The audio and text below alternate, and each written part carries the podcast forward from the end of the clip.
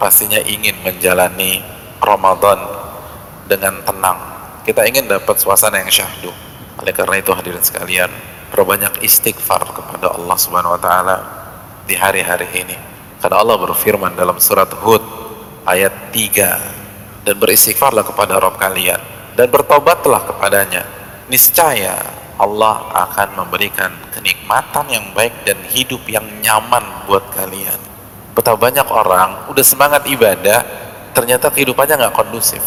Mertua ngerongrong lah atau mungkin urusan kerjaan. Perbanyak istighfar biar itu kita nggak alamin. Allah berfirman dalam surat Hud ayat 52 dan wahai kaumku beristighfarlah kepada Allah dan bertobatlah kepadanya. Allah akan turunkan hujan kepada kalian hujan yang berkah yang deras dan Allah akan tambahkan kekuatan kalian.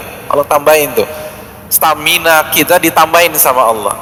Istighfar kepada Allah dan taubat kepada Allah. Ini waktunya taubat. Dan doa kepada Allah subhanahu wa ta'ala. Banyak orang masuk Ramadan lemes tidur lalu nonton lalu berendam di bathtub. Karena nggak banyak istighfar kepada Allah subhanahu wa ta'ala.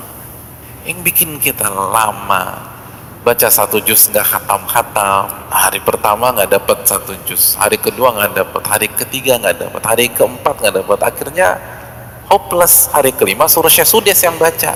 Suruh Syekh Musyari Rashid yang baca. Diputerin aja tuh merotal bagus tapi anda baca. Di ilmu udah matang kita lupa istighfar lemes. Banyak doa sama Allah. Taubat kepada Allah Jalla